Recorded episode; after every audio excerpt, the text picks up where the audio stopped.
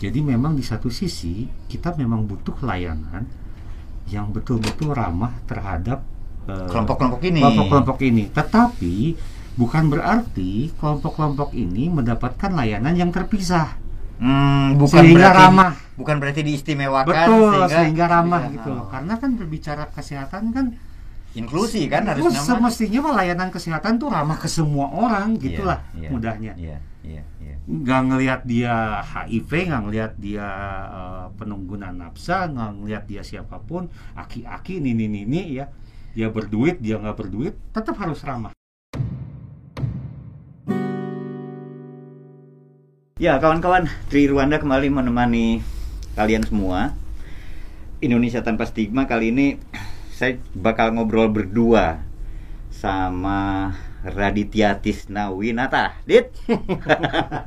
kudu lengkapnya hari hari ngaran banyak kudu lengkapnya. Lengkap, tapi sebenarnya di akte nggak ada Kang. Itu yang saya sedih. Oh, gitu? Nggak ada. Tisna Winatanya teh nggak ada. Gak ada ya. Nggak ada Jadi. Raditya weh. Raditya we hukum simple. Oke, Raditya, sehat, Dit? Alhamdulillah sehat Kang. Oke.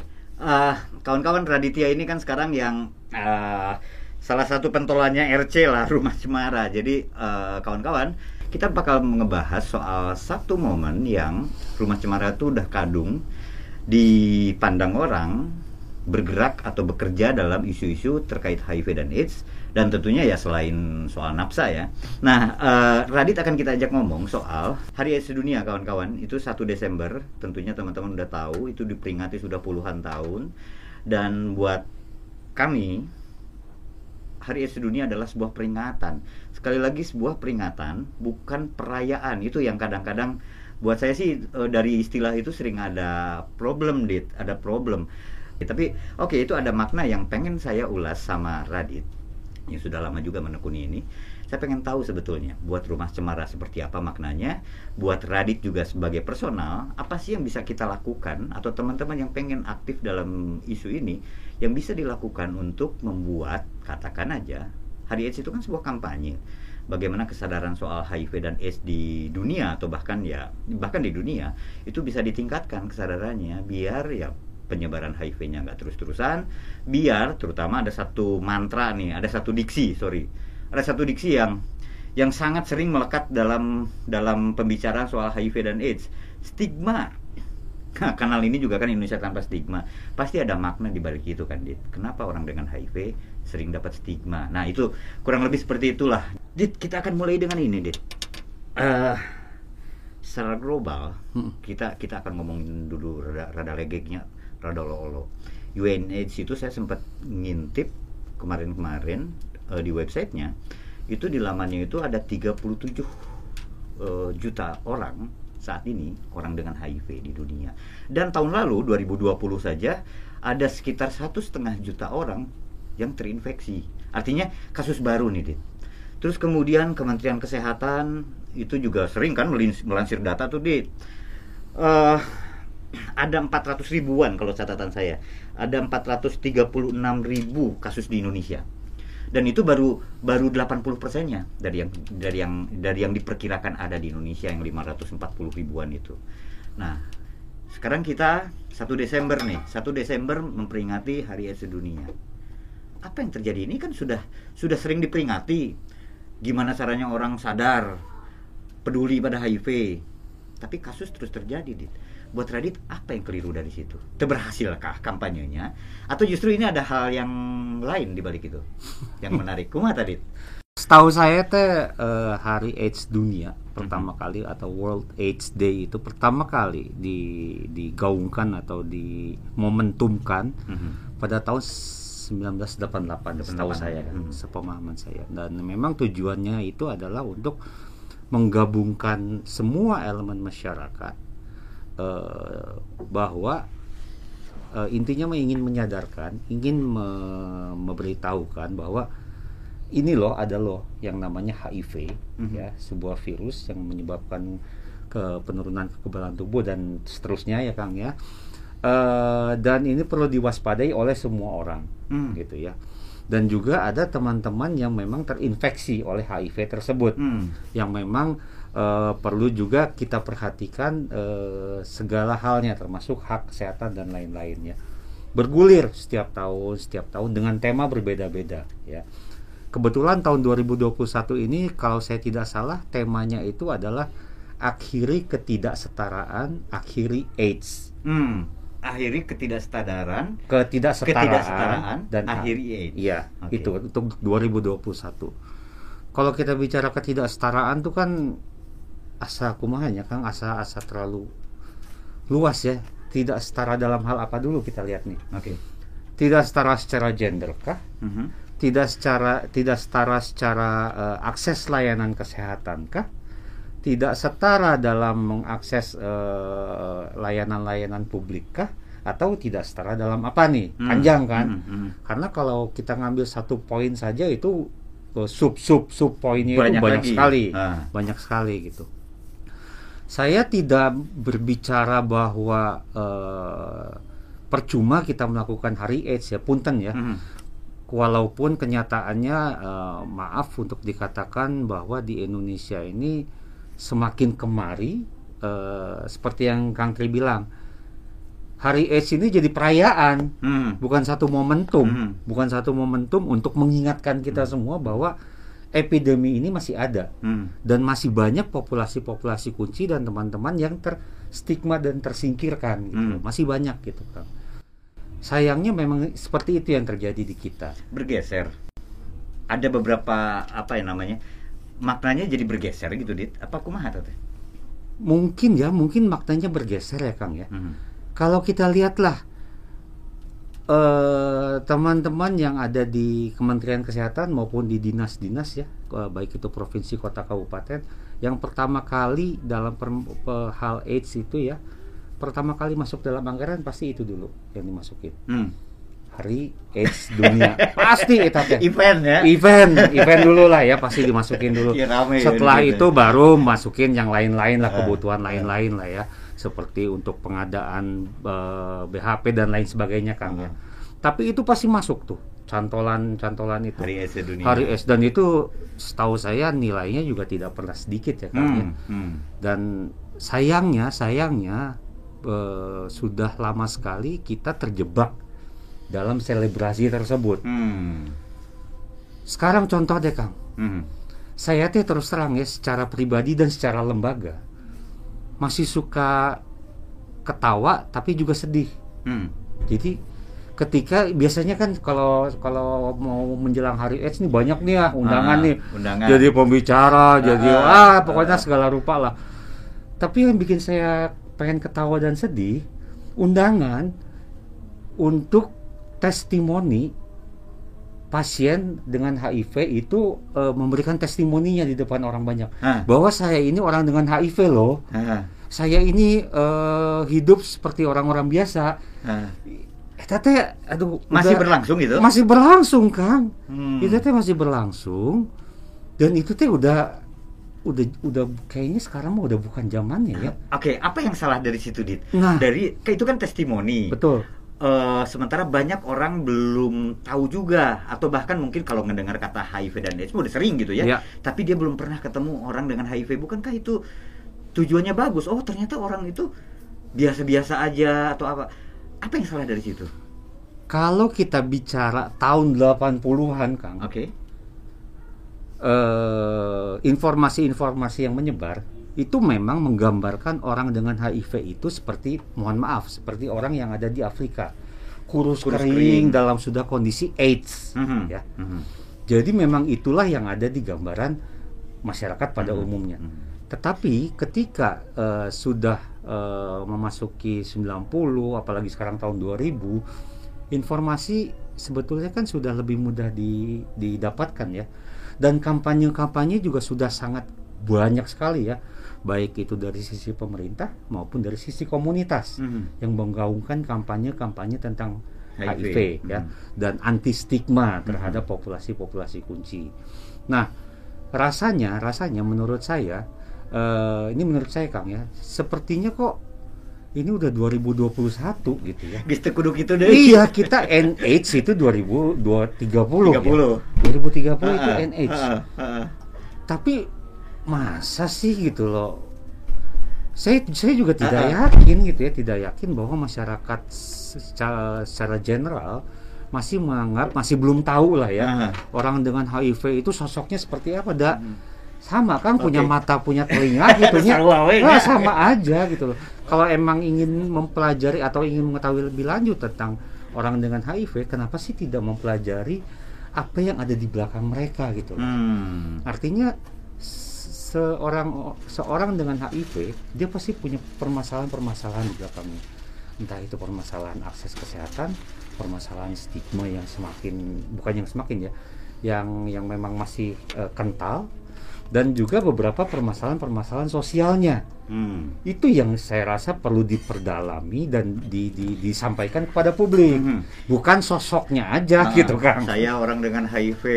Saya terus hidup biasa saja saya gitu hidup ya. biasa saja seperti apa. Kita gestek gitulah ya, gestek guduk itu Ja- ya. jangan udah nggak perlu begitu rasanya Oke, artinya bukan dia nggak penting, tapi ada hal yang jauh lebih penting untuk dibahas hari ini kan gitu ya ya? betul Gitu ya. kak sepakat Misalnya tadi soal pelayanan kesehatan, soal kualitas obat Mm-mm. barangkali kan kayak gitu ya. Mm, betul Oke kawan-kawan, jadi eh, sebagai informasi saja eh, buat teman-teman, orang dengan HIV itu di Indonesia tadi saya sudah sampaikan ya, jumlahnya kalau yang terdeteksi itu sekitar berapa tadi 436 ribuan orang itu data Kementerian Kesehatan dan itu belum semuanya belum semuanya karena ada estimasi, ada perkiraan itu sekitar 540 ribuan. Jadi ada sekitar 20% orang dengan HIV yang tidak mengetahui status dirinya sudah terinfeksi. Dia tidak tahu karena belum pernah tes. Satu-satunya cara untuk mengetahui orang terinfeksi HIV adalah tes. Gitu. Jadi eh, nanti kita akan bicara lebih jauh dengan eh, Radit dan teman-temannya di Rumah Cemara. Tapi kita bahas dulu lagi soal Hari AIDS Dunia ya. Karena ini menarik nih. Buat Radit sudah tidak penting lagi menampilkan sosok testimoni testimoni seperti tahun 80-an, 90-an awal kan gitu ya. Ada hal yang jauh lebih penting. Apa di belakang itu? Layanan, kemudian pengobatan misalnya dan jangan lupa stigma itu nyata dan tiap hari ada. Ibaratnya begitu. Dit kalau bicara tentang stigma. eh Hari AIDS Dunia itu kan peringatannya tiap tahun.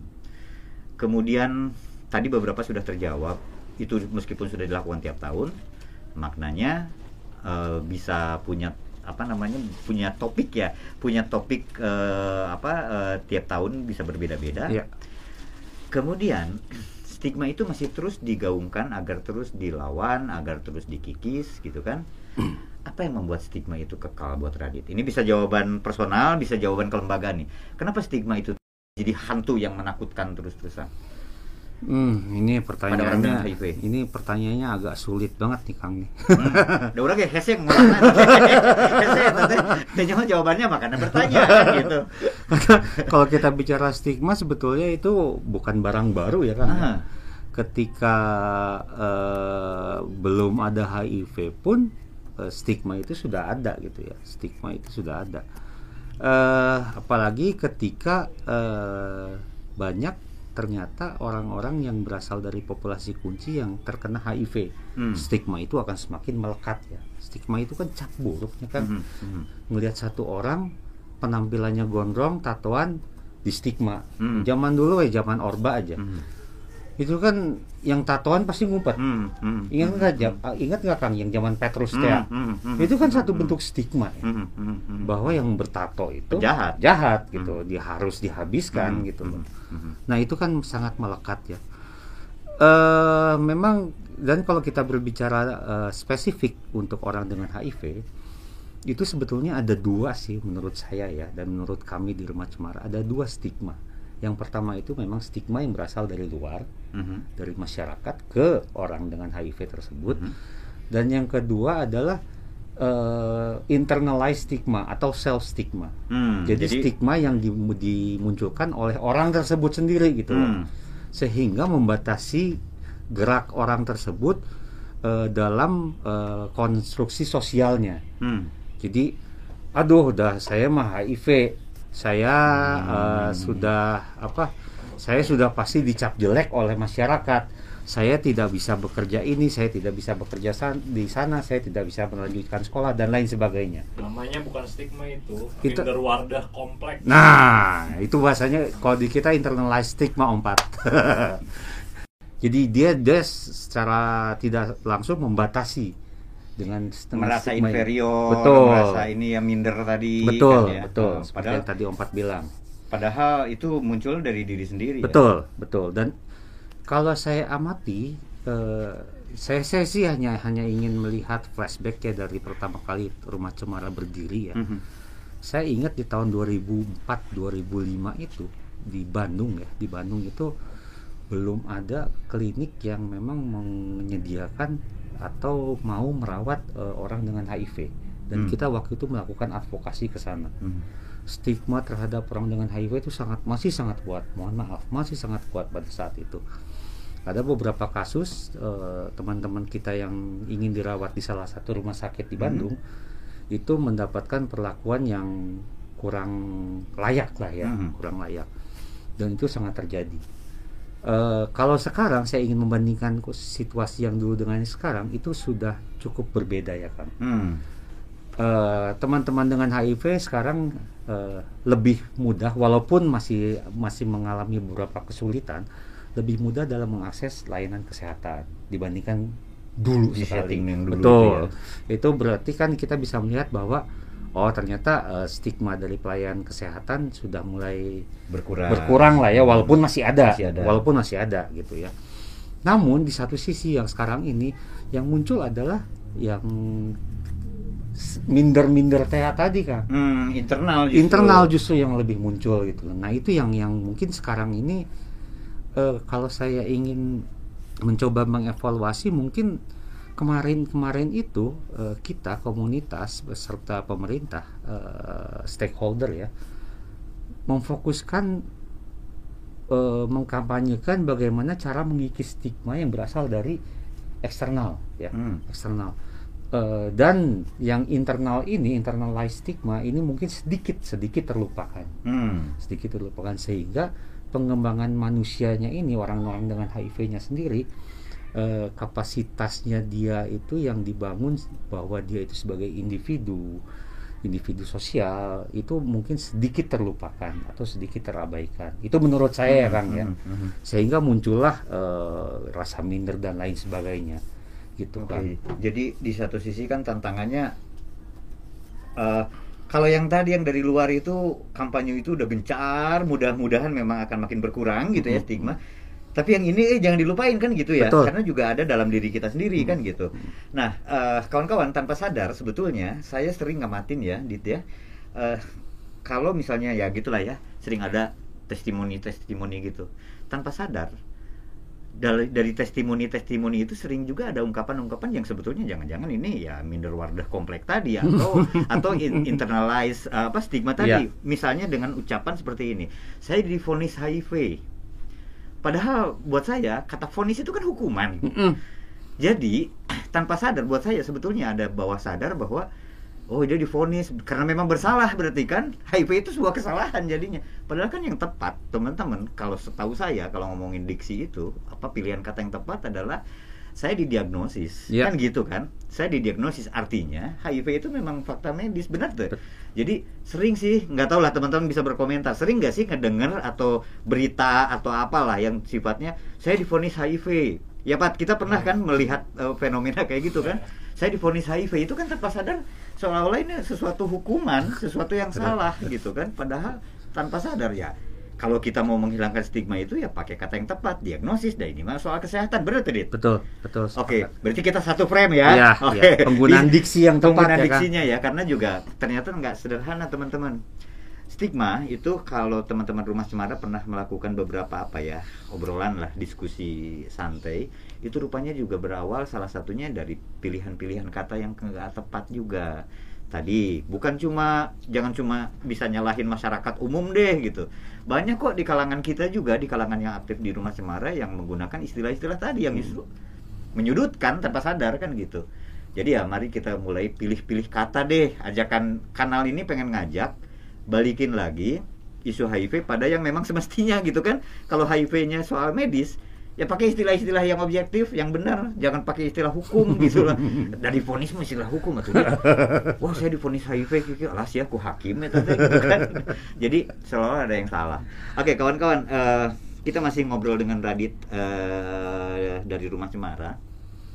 Rumah Cemara ini dari dulu ngeyel kekeh pengen melawan stigma itu. Makanya ada eh, apa namanya ada ungkapan ada tagline Indonesia tanpa stigma. Seperti pada kanal ini yang yang teman-teman lagi tonton.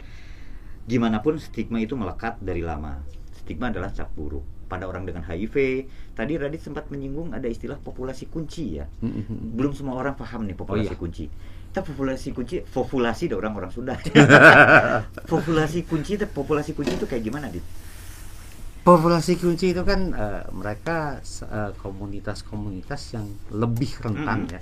Walaupun HIV ini kan sebetulnya eh, bisa menyerang atau bisa menular siapa pun ya Kang ya. Mhm. Tapi memang ada sejauh syaratnya terpenuhi gitu betul ya. sejauh Ah, syaratnya ah. terpenuhi ya. Hmm. Eh, tetapi memang ada komunitas-komunitas atau populasi-populasi yang lebih rentan Mhm. untuk eh, terjadinya penularan HIV itu Kang Hmm. gitu mungkin dari eh, teman-teman yang suka menggunakan nafsa dengan disuntikan ya dengan Oh iya, disuntikan ya Kang ya, ya, disuntik ya. dengan disuntikan Enggak semua jenis nafsa berarti kan? betul tidak semua jenis nafsa nggak nggak tiba-tiba nyimeng atau atau Terus kena HIV HIV kan gitu ya. gitu kan Saya pernah lihat berita begitu loh.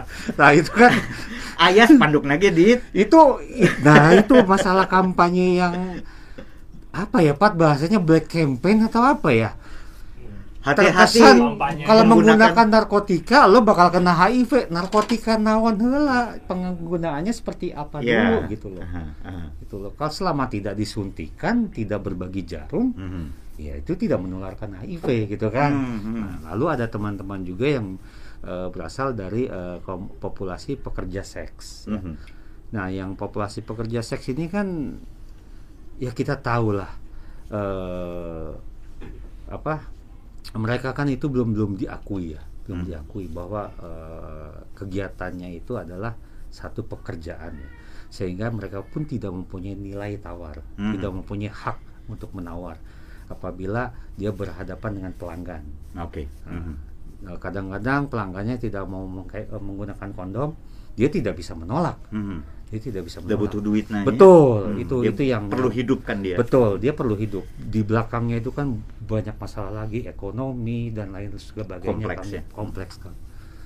Itu juga menjadi eh, rentan untuk penularan HIV.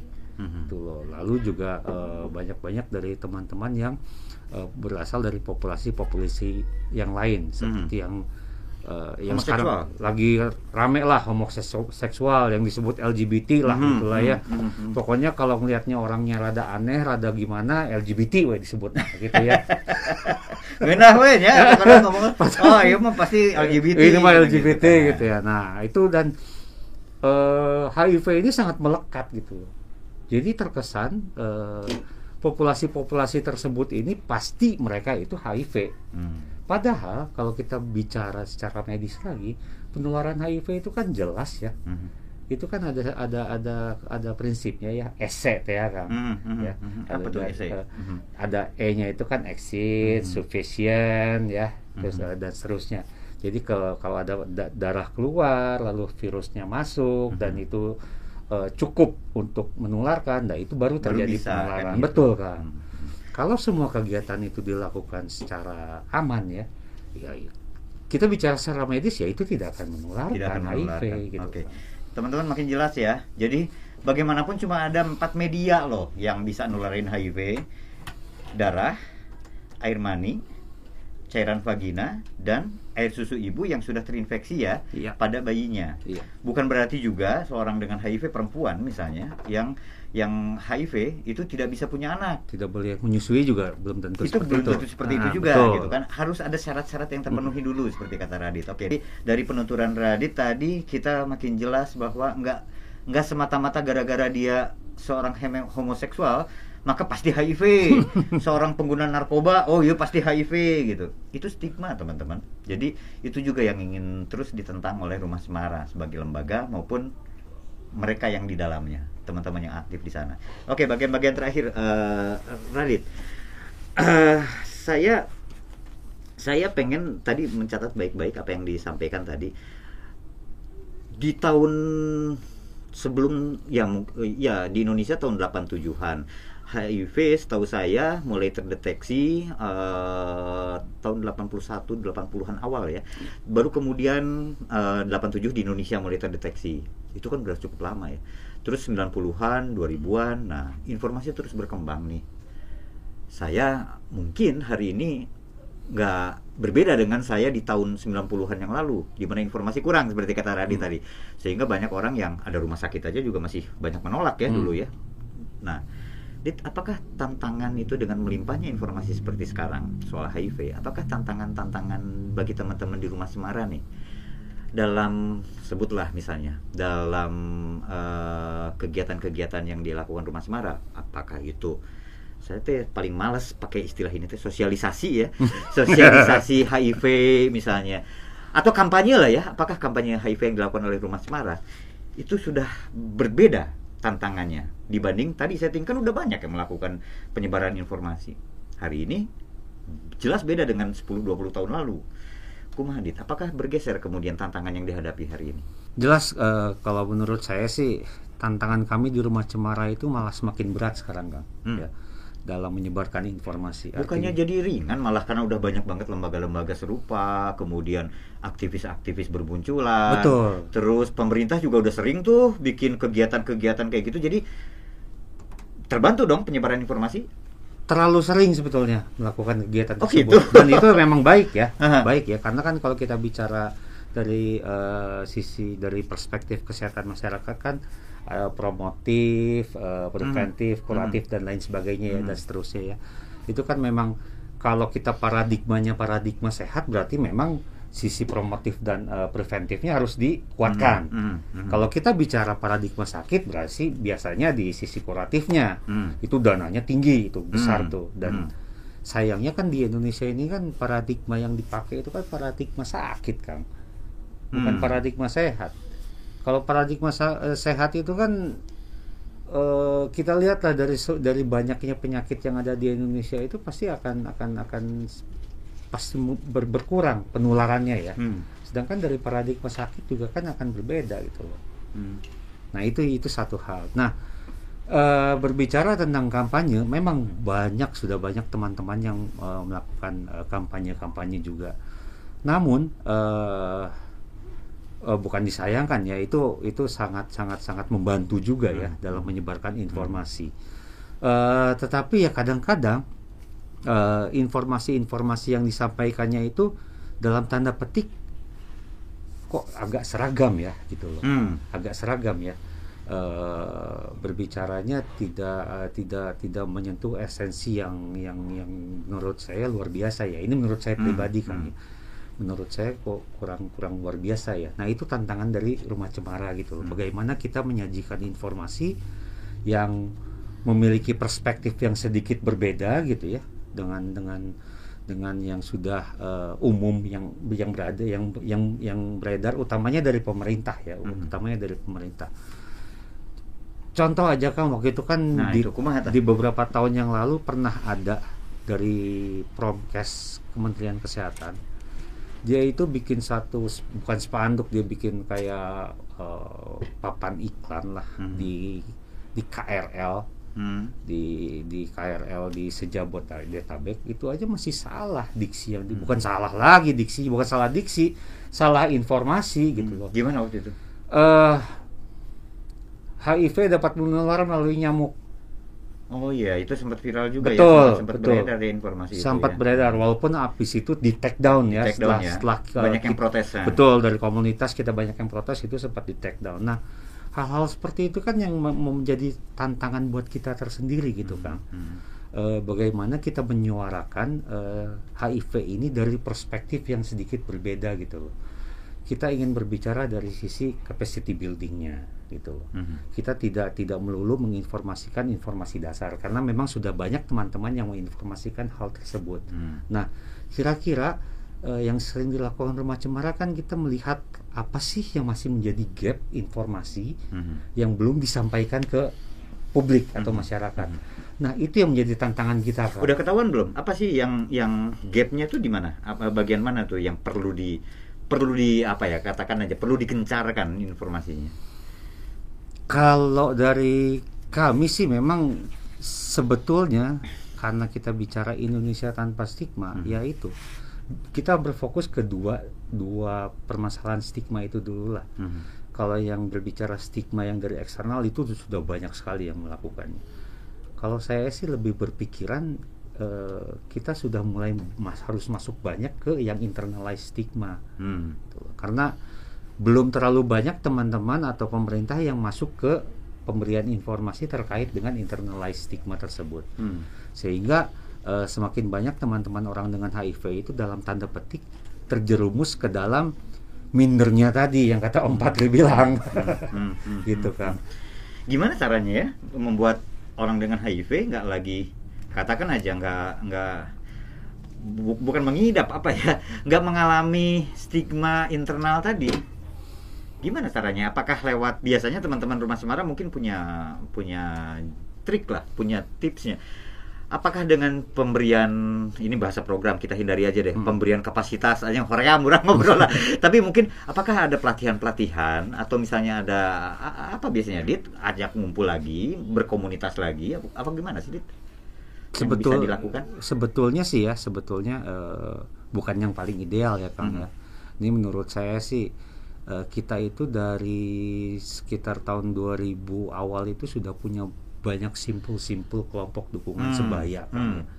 Kelompok dukungan sebaya itu sebetulnya menurut saya kalau memang eh, fungsinya itu difungsikan betul-betul sebagai kelompok dukungan sebaya itu bisa menjadi salah satu platform atau media eh, bagi kita supaya eh, mengajak teman-teman orang dengan HIV yang memang eh, tersebar di berbagai wilayah ya untuk dapat bergabung sehingga ketika dia masuk ke dalam kelompok-kelompok dukungan sebaya tersebut eh di situlah proses proses apa ya bahasanya ya eh, kapatisasi atau kapasitasi atau eh, capacity buildingnya dibentuk gitu kan Hmm, hmm. karena di kelompok dukungan sebaya ini kan dia seharusnya dia lebih lebih cair ya kan ya Hmm. lebih cair suasananya lebih kekeluargaan lebih open minded no stigma sama sekali gitu. Karena merasa berasal dari latar belakang yang eh, sama gitu ya.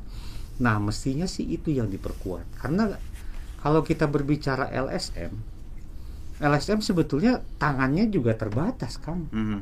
tidak bisa merangkul semua Hmm, gitu. hmm. Logistiknya juga terbatas logistik juga terbatas resource juga kita terbatas Hmm, gitu loh hmm. dibandingkan dengan pemerintah ya kan? Ya. Nah, tapi kan pemerintah juga tidak mungkin melakukan hal-hal tersebut ya, apalagi kalau bicara individu per individu. Hmm. Nah, memang eh, simpul-simpul kelompok dukungan sebaya itulah sebetulnya yang harus diaktifkan gitu loh. Mhm. Karena mereka memang benar-benar berada di grassroots, Mhm. di akar rumput, Hmm. Hmm. so, untuk menjangkau teman-teman yang lain gitu loh. Iya, iya, iya. Cuma saya nggak tahu sekarang seperti apa situasinya kelompok dukungan sebaya Hmm, hmm. apakah masih seperti yang eh, pernah rumah cemara lakukan seperti dulu atau teman-teman rasakan ya seperti beberapa tahun yang lalu atau seperti apa saya tidak tahu gitu kan Hmm. tapi ya sebetulnya kita sudah punya media-medianya hanya tinggal perlu diperkuat dan diaktifkan kembali Oke. sih kan Ya saya ke- coba coba apa namanya me- mencerna apa yang disampaikan Radit teman-teman. Jadi sebetulnya udah ada jejaring itu kelompok dukungan sebaya, eh, penguatannya juga mungkin eh, sudah dilakukan dan ya sayang kan kalau nggak aktif lagi. Sayang kemudian kalau misalnya mereka nggak speak up lagi, tidak berkegiatan lagi, menjangkau sesamanya dan ya terutama tadi agar self stigma itu luntur kan gitu. Kalau udah gabung ada percaya diri menurutnya bisa menunjukkan kemampuannya menurutnya tanpa orang harus tanpa harus tadilah embel-embel ngakui saya orang dengan HIV tapi saya bisa bekerja. Nggak klise seperti itu kan ya. Jadi jatuhnya nggak klise seperti itu kan ya gitu ya. Oke kawan-kawan ini eh, menarik. Saya yakin pembicaraan ini hanya hanya apa ya hanya sepenggal saja dari persoalan yang kompleks banget. Dan saya tahu di antara teman-teman pasti banyak yang juga paham betul soal HIV dan AIDS ini. Kami undang teman-teman deh buat be- berkomentar di uh, kolom komentarnya. biar memperkaya lagi. Nah, di terakhir dit, ini benar saya janji terakhir deh. saya janji terakhir. Eh, balik lagi 1 Desember Hari AIDS Sedunia. Hmm. Dan dan dan ini sudah diperingati bertahun-tahun. Untuk tahun ini, Dit, apa makna terpenting yang harusnya di di apa? Diungkapkan oleh orang-orang, oleh semua orang lah di dunia. Apa makna Hari AIDS hari ini? Hmm, kalau kita ngelihat dari tagline atau temanya sih Kang ya, akhiri ketidaksetaraan, eh, akhiri AIDS ya. eh kalau saya pribadi sih lebih lebih melihat seperti ini Kang. eh saya mencoba menyoroti lebih lebih global ya, lebih general. Ketidaksetaraan ini saya ingin berbicara soal akses atau layanan kesehatan ya Hmm. spesifik itu saja dulu lah yang saya Iya. soroti karena banyak sekali kalau saya tadi bilang kalau kita bicara ketidaksetaraan tuh banyak sekali ada tidak setara gender dan lain sebagainya gitu ya eh saya teh agak-agak bingung kang jadinya kang ya Hmm, kalau kita melihat kesehatan atau kita berbicara konteks kesehatan utamanya sistem kesehatan nasional yang sudah dimandatkan di di undang-undang dasar dan undang-undang lainnya ya itu kan semua rakyat ya Kang ya Hmm. semua rakyat berhak eh, mendapatkan hak atas kesehatan Iya. Hak asasi ya, teman. betul udah melekat Universal, itu. udah ya. melekat udah melekat, udah melekat itu Eh, entah dia gendernya apa jenis kelaminnya apa rakyat gitu ya Hmm. Eh, tidak ada yang dispesialisasikan tidak ada yang dipinggirkan. Hmm. jadi semua memang sama gitu ya. No one left behind ya. betul betul kang. Cuma kan yang memang terjadi ini kan eh yang yang yang menjadi satu dilema ya untuk untuk saya untuk kami. Eh, memang banyak layanan kesehatan ini yang belum belum melek gender kang Hmm. jadi ketika ada teman-teman transgender, transpuan atau transmen yang ingin mencoba mengakses satu layanan kesehatan, eh, melihat bentuknya seperti itu, biasanya langsung muncullah stigma ya. Oke. Nah, itu biasanya mereka teman-teman itu eh, menda- tidak mendapatkan hak yang layak dalam akses kesehatan. Begitu juga teman-teman yang homoseksual dan lain-lain ketika eh, dia ber- mengutarakan bahwa latar belakangnya adalah homoseksual, eh, masih banyak pelayan kesehatan itu yang eh, itu mah ada gara-gara kamu gitu loh, Hmm. gara-gara kamu itu mah salah kamu sakit begini gitu ya, itu masih banyak terjadi. Jadi memang di satu sisi kita memang butuh layanan yang betul-betul ramah terhadap eh, Kelompok-kelompok ini. kelompok-kelompok ini. Tetapi bukan berarti kelompok-kelompok ini mendapatkan layanan yang terpisah. Hmm, bukan Sehingga berarti ramah. bukan berarti diistimewakan Betul, sehingga, ramah bisa- gitu loh. oh. Karena kan berbicara kesehatan kan inklusi kan harus semestinya mah layanan kesehatan tuh ramah ke semua orang gitulah Iya, iya, mudahnya. Iya, iya, iya. nggak ngelihat dia HIV, nggak ngelihat dia eh, pengguna nafsa, nggak ngelihat dia siapa pun, aki-aki, nini-nini ya, dia berduit, dia nggak berduit, tetap harus ramah gitu loh. Hmm. Walaupun dia di VIP kelas 1, kelas 2, kelas 3 tetap harus ramah. Nah, itu mah standar. kan Betul, harusnya. betul. Nah, itu menurut Oke. saya sih Kak. Jadi menarik ya. Jadi soal kesetaraan teman-teman yang memang jadi jadi tema Hari AIDS Sedunia tahun ini ya, soal kesetaraan karena saya sih implisit ya menangkapnya. Berarti selama ini jangan-jangan ketidaksetaraan itu masih ada sehingga harus di harus diungkapkan dalam sebuah kampanye kan di hari ini, Hari AIDS Sedunia. Baik, Man, hatur nuhun. Siap, sama-sama Kang. Teman-teman, itu dia cuplikan obrolan eh, singkat mudah-mudahan bermanfaat dari kami. Bagaimana kita bisa memaknai Hari AIDS Sedunia eh, yang tiap tahun diperingati 1 Desember sejak tahun 80-an hingga sekarang semua orang bukan semua orang lah banyak banget yang yang yang melakukan peringatan-peringatan ini. Mau bikin pecah rekor lagi? kan ada. Beberapa Ah, tahun lalu kan ah, ada. no comment ya. No comment, ah. ada kan? Eh, memecahkan rekor Betul, ya. Gampang pecah rekor mah ya, gampang pecah sebetulnya. lah. rekor itu pernah. Ya ya gitu teman-teman. Jadi buat kami eh, Hari AIDS Sedunia adalah sebuah peringatan bukan sesuatu yang untuk dirayakan eh, celebrate something yang yang wah eh, apa namanya meriah gitu ya. Karena maknanya justru bagaimana kemudian ketidaksetaraan itu hilang dalam layanan kesehatan misalnya terutama pada populasi-populasi tadi. Karena kesetaraan mengandung makna berarti dia egaliter kalau saya bayangin ya. Sama rata nggak membeda-bedakan orang karena dia perempuan karena dia laki-laki atau mungkin identifikasi apa identitas seksualnya berbeda misalnya. Atau ya mau punya duit nih nih nih aki-aki si Garadit aki-aki dilayani kesehatan mah ya tetap ya harus standar bener. Sama Itong yang masih muda kan gitu. Ya ya itu teman-teman yang jadi perhatian banyak teman-teman di rumah Cemara hari ini. Kita pamit ya Dit ya? Oke, siap Nuhun, teman-teman kalau ada kekurangan kami mohon maaf. Silakan bisa berkomentar soal HIV dan AIDS dan Hari AIDS sedunia karena kami tahu ini bukan hal yang bisa pendek dibicarakan. Di dalamnya terlalu pisan ya. Oke mang kita pamit. Nuhun. Siap, nuhun, nuhun pisan, Kang. Yuk.